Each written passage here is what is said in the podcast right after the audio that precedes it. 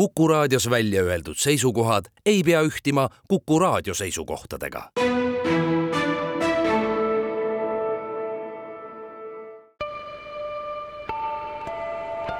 ilmaparandaja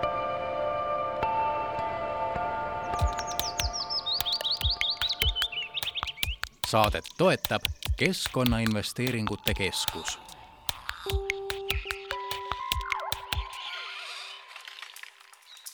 Tühi, tühi, tühi, tühi, tühi, tühi, tühi, tühi, tühi, tühi, tühi, tühi, tühi, tühi, tühi, tühi, tühi, tühi, tühi. Tui, tui, tui, tui, tui, tui, tui, tui, tui, tui, tui, tui, tui,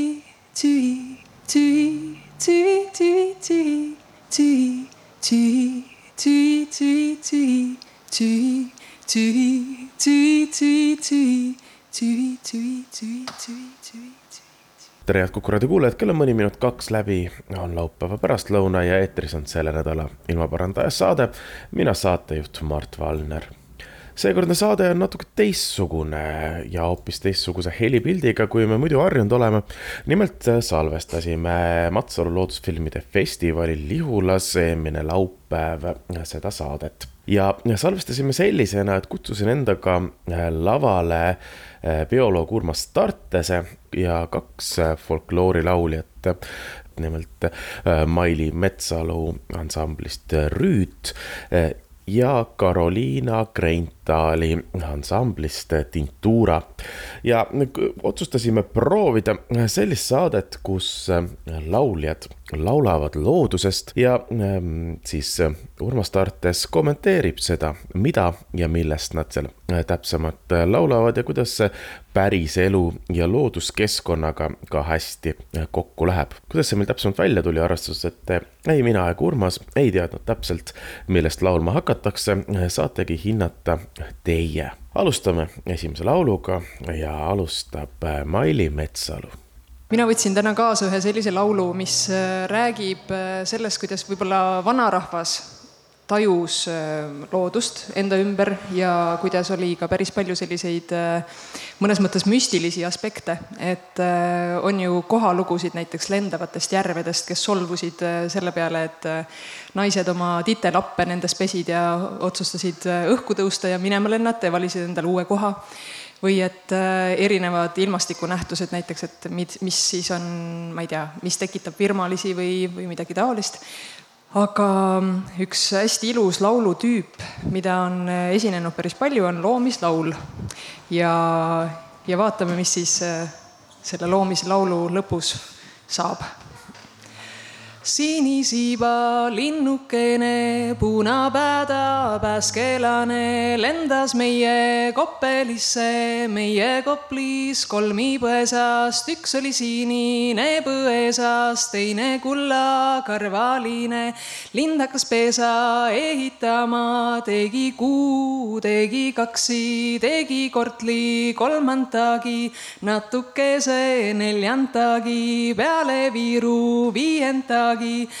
hakkas muune muunema, muunes kuu, muunes kaksi, muunes kortli kolmandagi, natukese neljandagi, hakkas poegi hauduma haudus kuu, haudus kaksi, haudus kortli kolmandagi, natukese neljandagi, peale viiru viiendagi, hüspani kuus taevana, teise päevaks peale ilma, kolmanda kiviks põllu peale, kolmanda kiviks põllu peale, kus need tunnid tunnetanud ja need ajad arvetanud, kui pole kuuda taeva vana ega päeva peale ilma, kust need ajad arvatasse, kust need tunnid tunnetanud?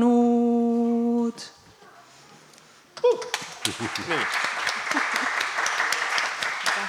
Teenitud aplaus alustuseks.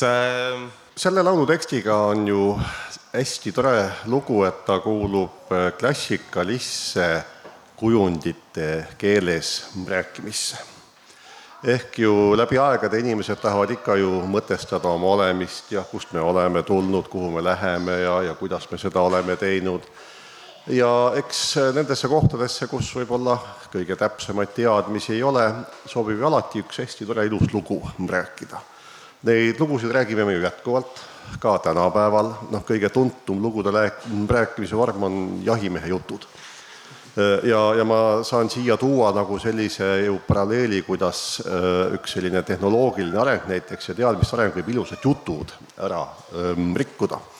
et kui näiteks äh, loodusfotograafid lähevad perede jahti pidama, äh, siis see jaht algas juba siis, kui pildistati filmile, ehk keegi tulemust ju ei näinud, mis saadi ja siis õhtul saunas olid jahimehe jutud, noh, hästi äh, uhked, hästi loovad, noh, peaaegu sama loovad kui see kena laul. ja noh, kes oli nii lähedal karvule, et ei jõudnud makroobjektiivi ette panna ja vastupidi, ühesõnaga sellised lood seal käisid. ja niipea, kui tuli digimaailm, mis tähendas seda, et iga jahimehe jutu peale tuli julm küsimus, näita pilti, kohe. nii ja jahimehe jutud lõppesid sellekohased. Õnneks maailma loomisega on niimoodi ju, et eh, kui me läheme nüüd teaduse keeles on selline hästi keeruline mõiste nagu Plancki aeg, kõlab nagu muinasjutt, aga see on see hästi pisitilluke ajaperiood, millest me mitte midagi ei tea veel. ka ei tea see kõige nii-öelda peenem eh, teadus tänasel päeval, see on, see on noh, nii, nii mikrosekundites mõõdetav ajaühik, aga mis seal enne täpselt oli, noh aimatakse ja pakutakse. Ja ei maksa arvatagi, et siis ju vanarahvas on seda kõike nii äh, peenelt proovinud äh, lahti mõtestada. üks ilusam lugu on ju see, mis aitab meil maailmast äh, paremini aru saada. Ja eks nende loomelugude kaudu siis on ju sobilik valida see keegi koha peal elav linnukene antud juhul, kellel on siis võime ka noh, teha näiteks maakerale sarnaseid asju või ka kuule sarnaseid asju. See, et äh, loomad on loomelugudes hästi tavalised tegijad, et on üle maailma väga, väga tüüpiline, väga tavaline protsess, et noh, lisaks lindudele on ju mõned rahvad pärit putukatest näiteks, liblikatest, libikaröövikutest on saadud alguseid või on indiaanlastel lugusid, kuidas uurid tõid maa, vee põhjast maa ja sellest sai kuiv maa ja siis said hakata inimesed elama. nii et see, et üks selline kena linnukene meil muneb selle maailma, see on väga ilus ja vahva seletus ja ma kogu aeg nagu mõtlesin selle peale, palju neid kuid siis lõpuks kokku saab, et kuidas me nagu selle asjaga, et kas nagu iga kuu saab mudetud valmis et siis oleks nagu metoodiliselt asi täiesti korras, kuid no ilmselt tulebki iga hea lugu teha selline, et selle loo lauljal on võimalik sinna veel oma osa jut-, juurde panna, mida ta siis peab tähtsaks ja oluliseks mm. -hmm. aga samas muidugi, kui me räägime loomadest, folkloorist, siis on äh, Äh, tihtipeale need, need lood, mis räägitakse, on selles mõttes seotud ikkagi ka ju äh, äh, päris eluga tugevamalt, kui me võtame mingisugused noh, klassikalised, ma ei tea, libahundi folkloori osa, eks ole, siis võib öelda, et mingi osa, kuidas libahundiks said, oli see, et näed, jõid hundiga samast veekogust, mis tegelikult oli hoiatus sellest, et ära tee seda, sellepärast et sul on võimalik saada sealt marutõbi, mis tegelikult panebki inimesed teistmoodi käituma ja nii edasi, et et väga suur osa sellisest folkloorist räägib meile ikkagi mingisugusest, on hoiatuslood, mis on kuidagi äh, loomad, äh, kuhu on siis loomad nii-öelda mängu toodud. hetkel me räägime siiski loost, mille kohta me, nagu, nagu sa ise ütlesid, see on see üks väga väike hetk ajast, millest me ei tea mitte midagi, aga mille kohta vist on kõige rohkem äh, folkloori üleüldse loodud. jah, loomulikult, eks nüüd folkloor kui selline kannab ka üle edasi ju ka sellist noh, rahva kogemust Äh, arusaadavalt, kui ei osatud mingeid asju veel põhjuslikult seostada, aga mingi noh, seos tundus olema, siis äh, ka seeläbi õpetati. sest ju, mis oli omaaegne eluviis, oli ju selline, et ju pärimust antigi ju nii-öelda suust suhu edasi. et ega ju kirja pandud tekste ju meil ei olnud, kui me läheme nüüd nende laulude sünniajastusse siin ju mõned noh, sajad ja tuhanded aastad tagasi ju tõenäoliselt olid nad juba olemas siis äh, selliste lauludega ju antigi teadmisi edasi ja lauluga on ju mugavam rääkida, suu väsib vähem, kui et nüüd mingit keerulist teksti rääkida üks tore pärimuse selline kild tuli veel meelde seoses lindudega, et kuna ju vanasti ei osatud seletada seda, kuhu need rändlinnud sügisel kaovad, siis äh, arvati, et nad lähevad toonelasse ehk teispoolsusesse. Mm -hmm. ja kui siis kevadel linnud hakkasid saabuma, siis peeti seda väga selliseks äh, isegi natuke ohtlikuks ajaks ja sealt äh, tekkis komme võtta hommikuti linnupetet ehk siis tükike leiba, mis justkui siis kaitseb sind selle, selle eest, mida need linnud võib-olla sealt kaasa toovad aga samas tänapäeval me teamegi, et tegelikult mõned haigused niimoodi sealt äh, kaudu ka tulevad, et et sellised väikesed hoiatused ja, ja kaitse, kaitsetõrjemaagia justkui on siis ka seal pärimuses sees küll mm. -hmm. eks ta ikka, kui kuskilt need pihta hakkavad, mille pärast öökullid on, öökulle seostatakse paljudes kultuurides äh, surmaga, sellepärast et surnuaia peal on äärmiselt hea jahti pidada, eks ole, suur lage maa ja, ja rotid paistavad hästi välja. Äh, ja eks, eks kuskilt ju, ju loogiliselt see, see kultuur ja, ja loodus ka, loodus sinna folkloori sisse ka satub, jah. -hmm. no sellised äh ju, kuidas öelda, endelood, mis on seotud erinevate loomadega, eks nendel on ka ju tihtipeale sellised äh, looduslikud äh, alused ka.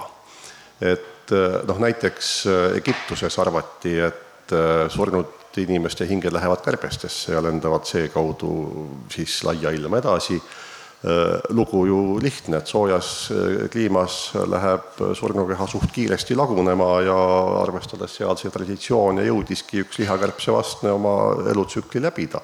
ja nii võiski vabalt või näha siis, kuidas hing lendab reaalselt minema. Neid hingeloomade lugusid on ka ju Eestiski, noh näiteks meil on olemas selline äh, liblika liik nagu päevakoer, kuid rahvasuu nimetab päevakoeraks kõiki karvaseid röövikuid ja põhjus on ka see, et arvati, et nende sisse lähevad surnud koerte hinged. aga seda ma ei teadnud, et päevakoera nimi sealt tuleb. ja tõesti, ma võin öelda, et kõik röövikud on päevakoerd põhimõtteliselt. noh, põhim... vaatad otsa, see on see värviline ja kõnnib. kõik karvased röövikud, on ka selliseid noh, siledaid röövikud, need ei ole päevakoerad, need on ussid seda küll, jah. ilmaparandaja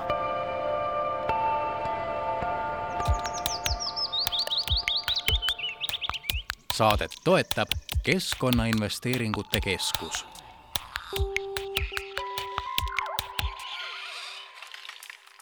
jätkame oma natuke teistsugust ilmaparandaja saadet, mis sai salvestatud Lihula seemisel nädalavahetusel Matsalu loodusfilmide festivalil kus laval oli minuga Carolina Kreinthal, Maili Metsalu ja Urmas Tartes. nii, aga enne kui me läheme liiga, sest me ei tea ju, mis teemasid meile veel ette tuleb, ma tean, et meil on vähemalt kaks laulu veel mõeldud välja täna.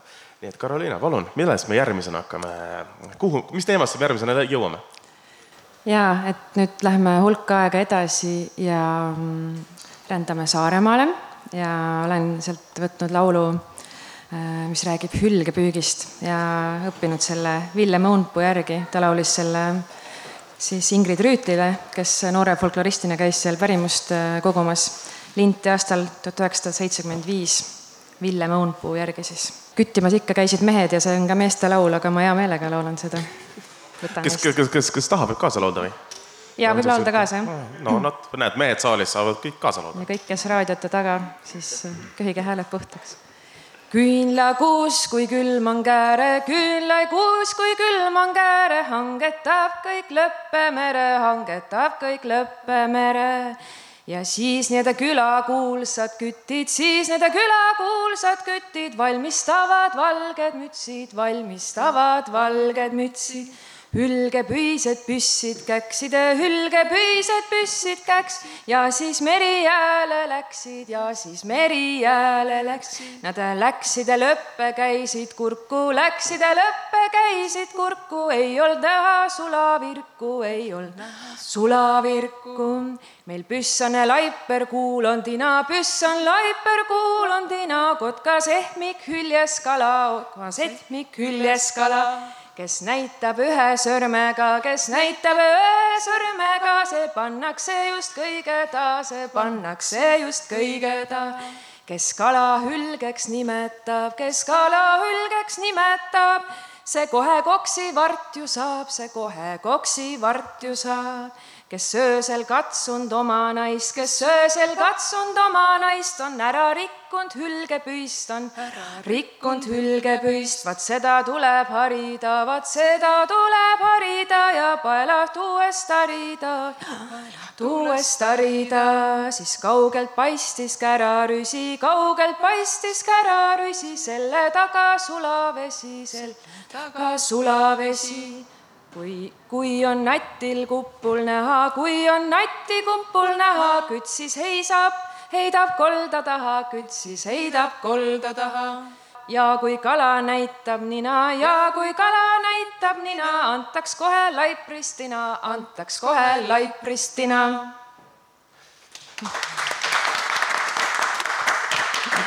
väga ilus, väga ilus äh, teema, muidugi oluliselt morbiidsem juba kui maailma lood-, loomine, aga äh, eluks ja oluks äh, oluline tööstusvaldkond saarte peal loomulikult.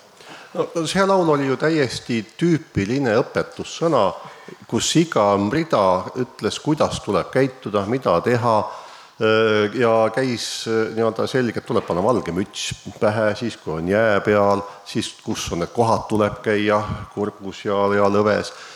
Ei tohi enne jahti minekut väga rabeleda, muidu käsi hakkab värisema, noh jällegi väga selge. käis läbi selline klassikaline jahimaagia, kus seda jahilooma ei nimetata tema nime järgi, ehk siis hülge asemel tuli kala öelda. Ja muu osa oli täielik selline noh, täpne õpetus, lihtne juhend, kuidas hüljes kätte saada. Viis asja, mida teha enne hülgejahile minekut jah, jah, et noh, meil on tänapäevalgi ju kuidas saada kahe kuuga millekski või ja, ja. ja, ja kuidas mingisugune tegu läbi viia, et neid õpetusi on kõik maailm täis Äh, no aga just see valge mütsi pähepanemise ja muus osas, äh, sina ikkagi väga äh, tuntud ka kui loodusfotograaf. Loodusfotograaf selle jaoks, et pildistamas käia, peab ennast ka ikkagi peitma ja, ja mitte, sa ei saa ju lihtsalt ronida keset metsa ja öelda põder-põder ja ei tule, noh, ei tule. või üles samamoodi, et kui, kui suur osa see maskeerimine ja kõik see on enne, enne nii-öelda metsa minekut? siin on kaks äh, aspekti. üks on jah, loomulikult äh, märkamatuks jäämine, äh, mis siis loom tähendab sellist kindlasti käitumuslikku oskust, et kõnnid vaikselt, lähed ikkagi mitte siis peale tuult, vaid alla tuult liigud, et lõhna ninna ei läheks ja ja nii edasi.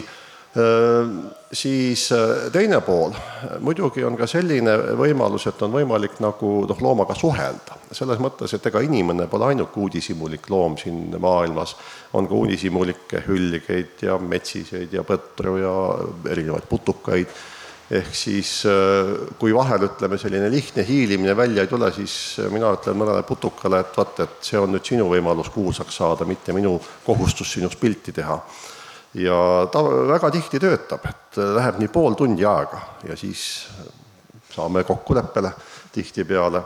Nii et äh, selline maskeerumisega koos käib ka nagu see ühes hingamise pool, et äh, ta tõenäoliselt ka jahimeestega on see asi niimoodi, et ta peab ikkagi looma elu väga hästi tundma, teadma, siis ta oskab ka üles leida ja piisavalt lähedale saada.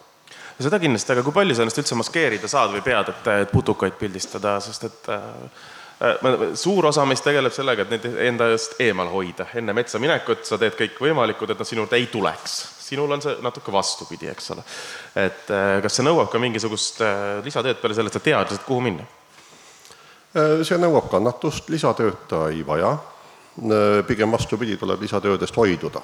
et noh, on vahel inimesi, ma olen näinud, kes tahavad erinevaid noh, parfüümilaadseid asju panna endale naha peale mida ütleme, apteegis müüakse ja jahipoodides müüakse, noh, nimetatakse sääsetõrjeks, lõhnab huvitavalt, ju sellepärast pannakse. seda ei maksa panna, loomulikult siis see peletab kõik loomad minema ja peletab ka teised inimesed minema, et, et see on noh, selline antimaskeerimine. kuid teisalt igal loomal on, kuidas öelda, oma selline taluvuspiir, käituvuspiir, mis tema jaoks tundub ohutuna või nii-öelda rahulikuna, inimesel ka.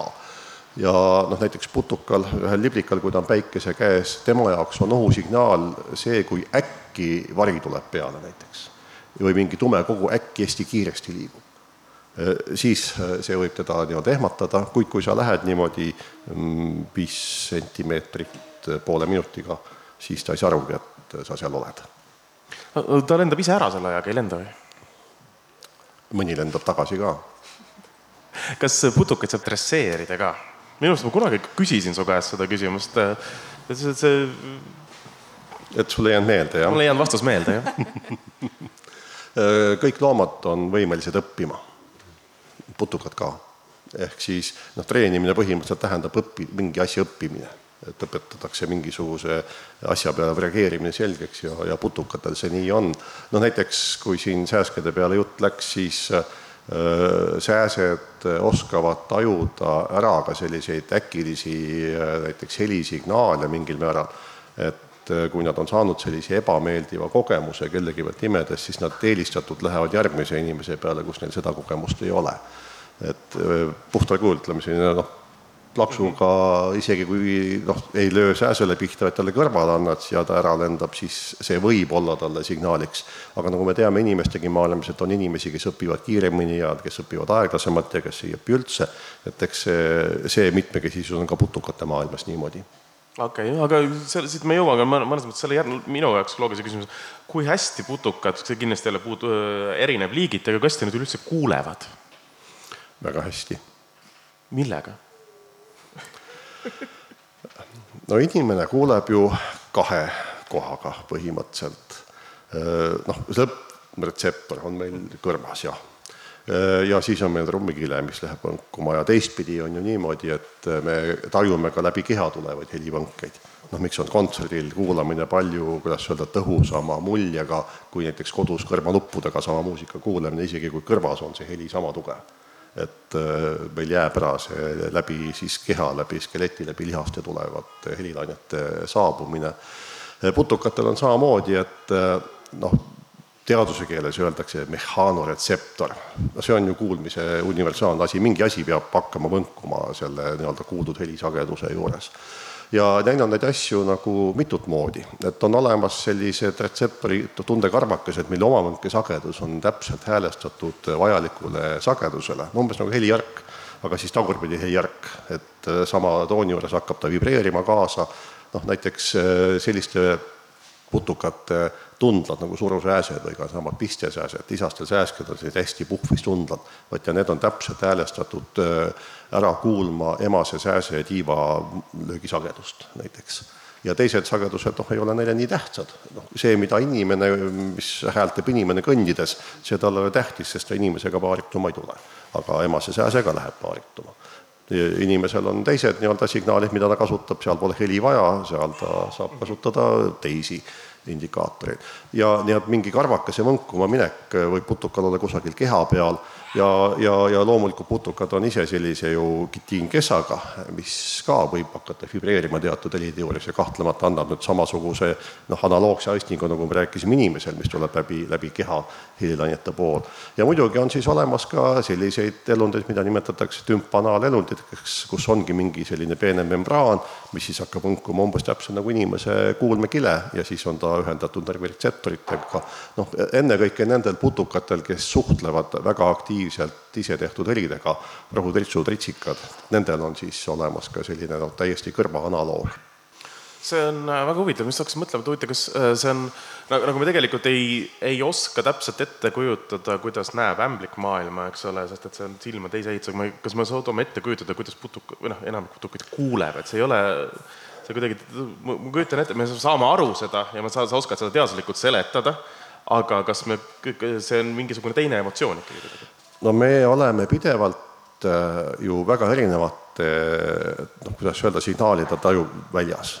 me ju ei näe, silmad on küll näiteks inimesel väga tähtsad, aga me ka kuuleme kogu aeg, me tunneme lõhna ja noh, tunneme mingit maavärinat, kui ta vibreerib kusagil ja nii edasi. Siis ega see noh, aisting ei teki mitte meil silmas või kõrvas või, või siin naha peal, vaid aisting, mis meil kokku tekib, pannakse kokku ajus ehk äh, reaalaja, mitte reaalajas, nüüd see on nüüd selline väga halb, halb, halb väljend, sellepärast et me elame minevikus, meie aju ei suuda mitte kunagi reaalajas tajuda seda, mida me näeme. et see, kui sina midagi ütled, mina näen seda umbes kaheksakümmend millisekundit hiljem ja, ja, ja kui ma tahaks reageerida mingile asjale, no teame kõik, et inimese reaktsiooni aeg on null koma kaks kuni null koma kolm sekundit, mis tähendab seda, et me peame oskama prognoosida tulevikku ja meie aju kogu aeg tegelebki nii-öelda signaalitöötluses sellega, et mis võiks juhtuda nüüd lähitulevikus ja siis ta katsub anda sellele olukorrale hinnangut, on see hea, on see halb, eh, vastavalt siis eh, oma noh, kogemusest, mis meil on saadud, et eh, me võime, peame ju reageerima väga erinevates oludes ja olukordades. nii et see, mida siis silmaga üks või teine loom näeb, see kujutis sünteesitakse kokku ajus, pluss ütleme, ta kindlasti sellele kujutisele kaasnevad ka teiste noh, meeleelundite äh, signaalid. ja noh, kui tuua sellist huvitavat äh, näidet äh, inimese maailmast, siis kes on koolis käinud ja õppinud inimese nägemist, siis juba koolis tehakse see katse, et pannakse üks punkt lehe peale, tuuakse nii täpselt lähedale, kuni ühel hetkel me ei näe teda. ehk pime täht, mis on siis see koht, kus silmanärvid lähevad läbi, läbi vikerkesta, seal meil näge-, noh, närvi, noh, retseptoreid ei ole kuid kui me vaatame ringi, siis meil seda tühja kohta ei ole. ja kes nüüd ütleme, pilditöötlusega on tegelenud, siis eh, on olemas ju selline ilus töötluskäsk nagu siis noh, inglise keeles kõlab ta content aware fill ehk on mingisugune ala, mis siis täidetakse naabruses oleva informatsiooni abil.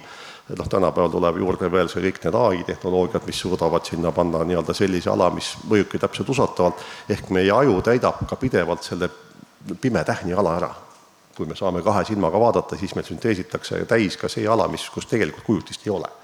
ehk siis see, mis meil siis, mida me silmas näeme, see on päris huvitav ja loomulikult putukatel äh, sõltub nüüd see võimalus sellist detailset pilti tajuda, sõltub muidugi nende silma siis nende liht-, väike, väikeste silmakeste oma, omatiidide arvust. et äh, mõnel on neid hästi vähe, siis nad näevad üldjuhul mingi suurema keha liikumist Äh, siis äh, mõnel on neid hästi palju, siis nad suudavad juba võib-olla ka sobivat saaki ära tunda, kas see sobib või ei sobi. Ja aga noh, ütleme, nad on kõik sellised suhteliselt lühinägelikud. ilmaparandaja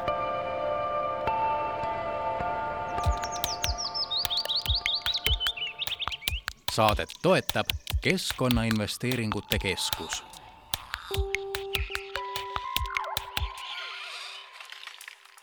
ilmaparandaja jätkab äh, oma eelmisel nädalal salvestatud saadet, mina saatejuht Mart Valner ja minuga koos laval Urmas Tartes, Maili Metsalu ja Karoliina Kreintal. No meie tahame vaadata kaugustesse see ja me tahame näha, mis kaugel äh, tulevikus või kus iganes, äh, kuhu meid viib järgmine laul, sellepärast et meil on kolmas veel ees tulemas. meil on neli laulu tegelikult. meil on nüüd, neli või? Äh, oh, mul tekkis üks idee veel, ähm, rääkides tajudest ja sellest, kuidas keegi maailma tajub mul on üks lihtsalt selline väikene katsetusekene välja siin pakkuda kuulamiseks.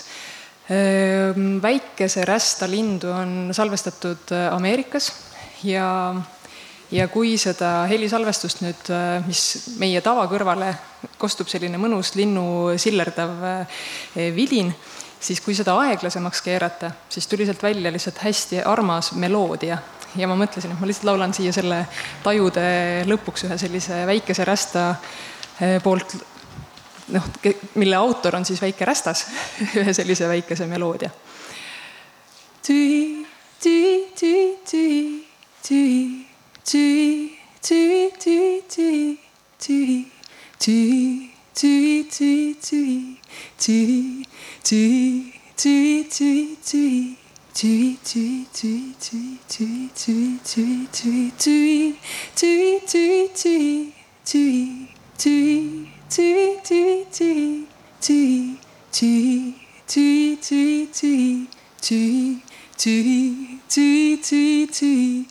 tui, tui, tui, tui.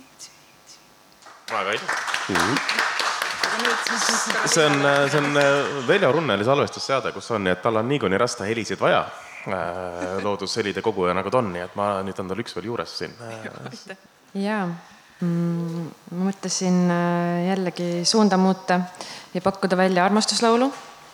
ja siis võib-olla juba ette ise küsida üks küsimus, et äh, see, see laul, ma ei hakka ütlema, millest see räägib, te saate sellest ju ise aru, aga kuidas loomariigis on nende tunnetega, mis on, mis räägivad siin siis inimestevahelistest suhetest. ja see, need sõnad olen saanud Muhust, Raissa Noot laulis seda jällegi Ingrid Rüütlile seitsekümmend viis aastal, aga viisi tegin ise. Mm kui tunned lained tumedad, mis soojas rindas mässavad, siis ära ühtki otsuste torm ei vii laev üle vee. Ennem tuhat korda surra hauda minna armuga aga truudust ma ei murra, sind ei unusta. ennem kesselaid võiks liiku lalli tuoma laudile, enne hiir võiks kassi katsu, sind ei jäta järele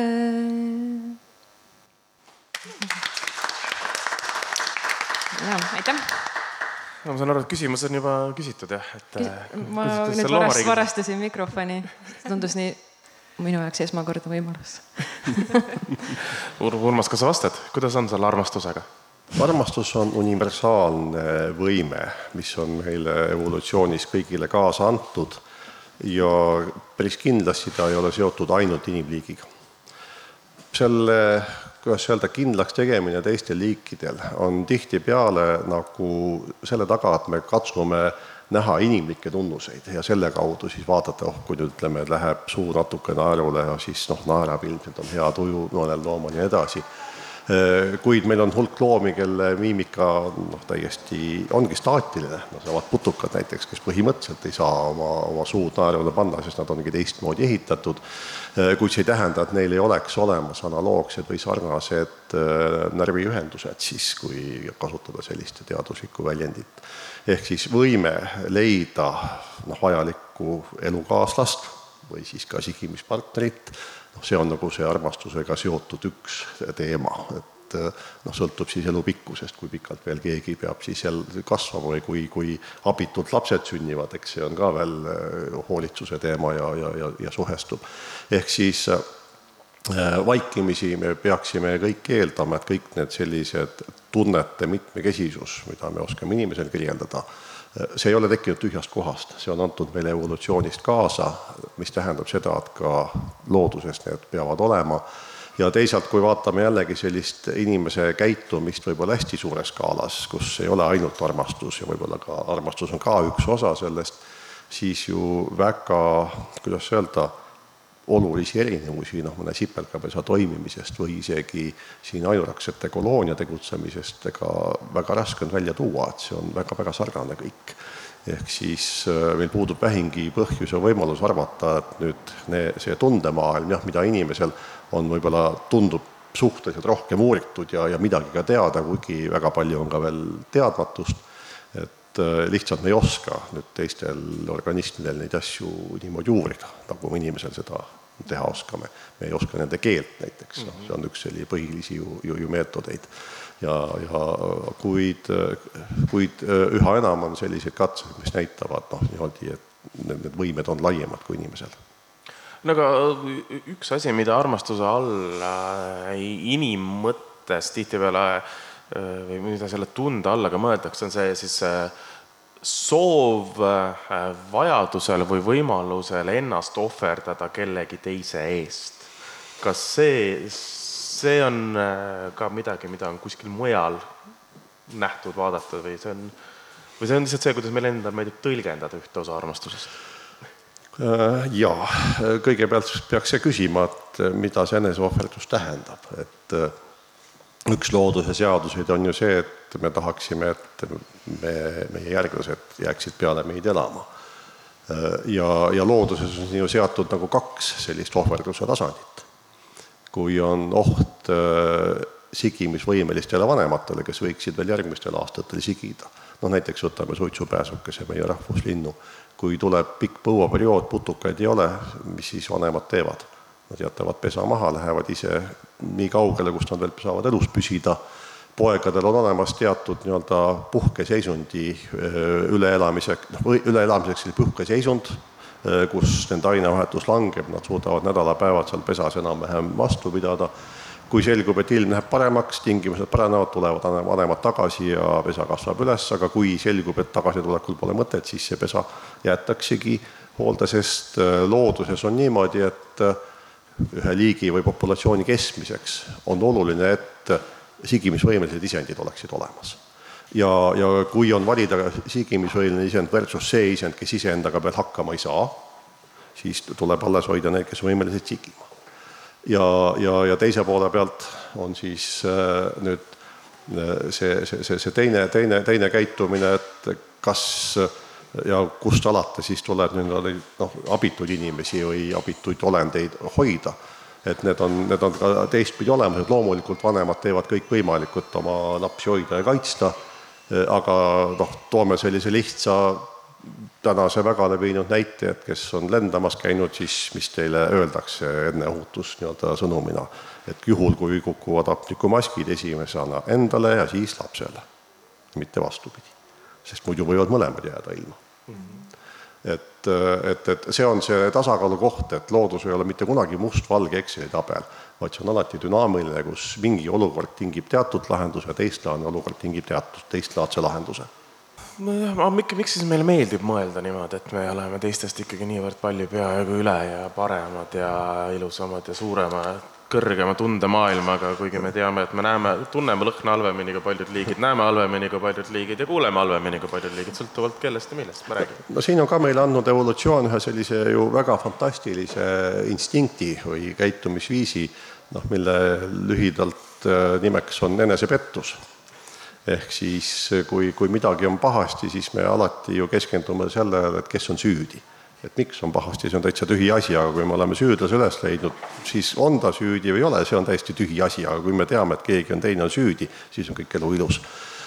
kuid see enesepettus ei ole mitte noh, nii-öelda sellisest noh, kuidas öelda, see enesepettus on ka väga vajalik ütleks ju teistpidi niimoodi, et sina nüüd äh, tulid tegema saadet ütlemata mulle, mis küsimusi sa küsid täpselt ja mina ei teadnud, missugused laulad siin on ja me kõik tegelesime enesepettusega, et me saame selle saatega hakkama.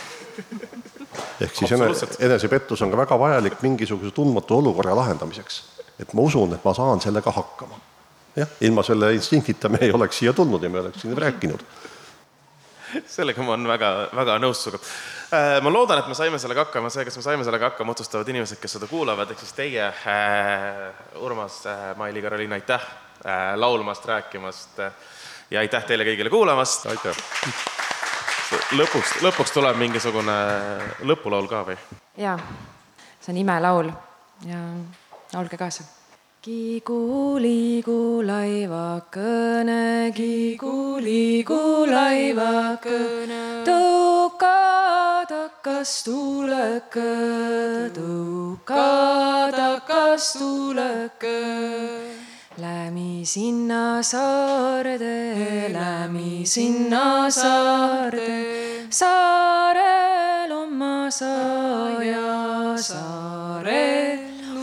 saaja, saarel masaaja. seal peeni puhkseb hilli, seal peeni puhkseb hilli, seal peeni puhkseb hilli. seal kassmäng seganne, seal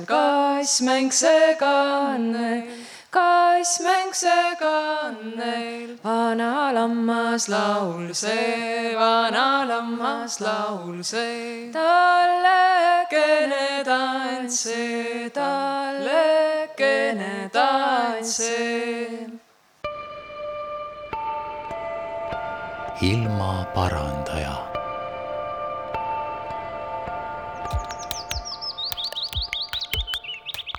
saadet toetab Keskkonnainvesteeringute Keskus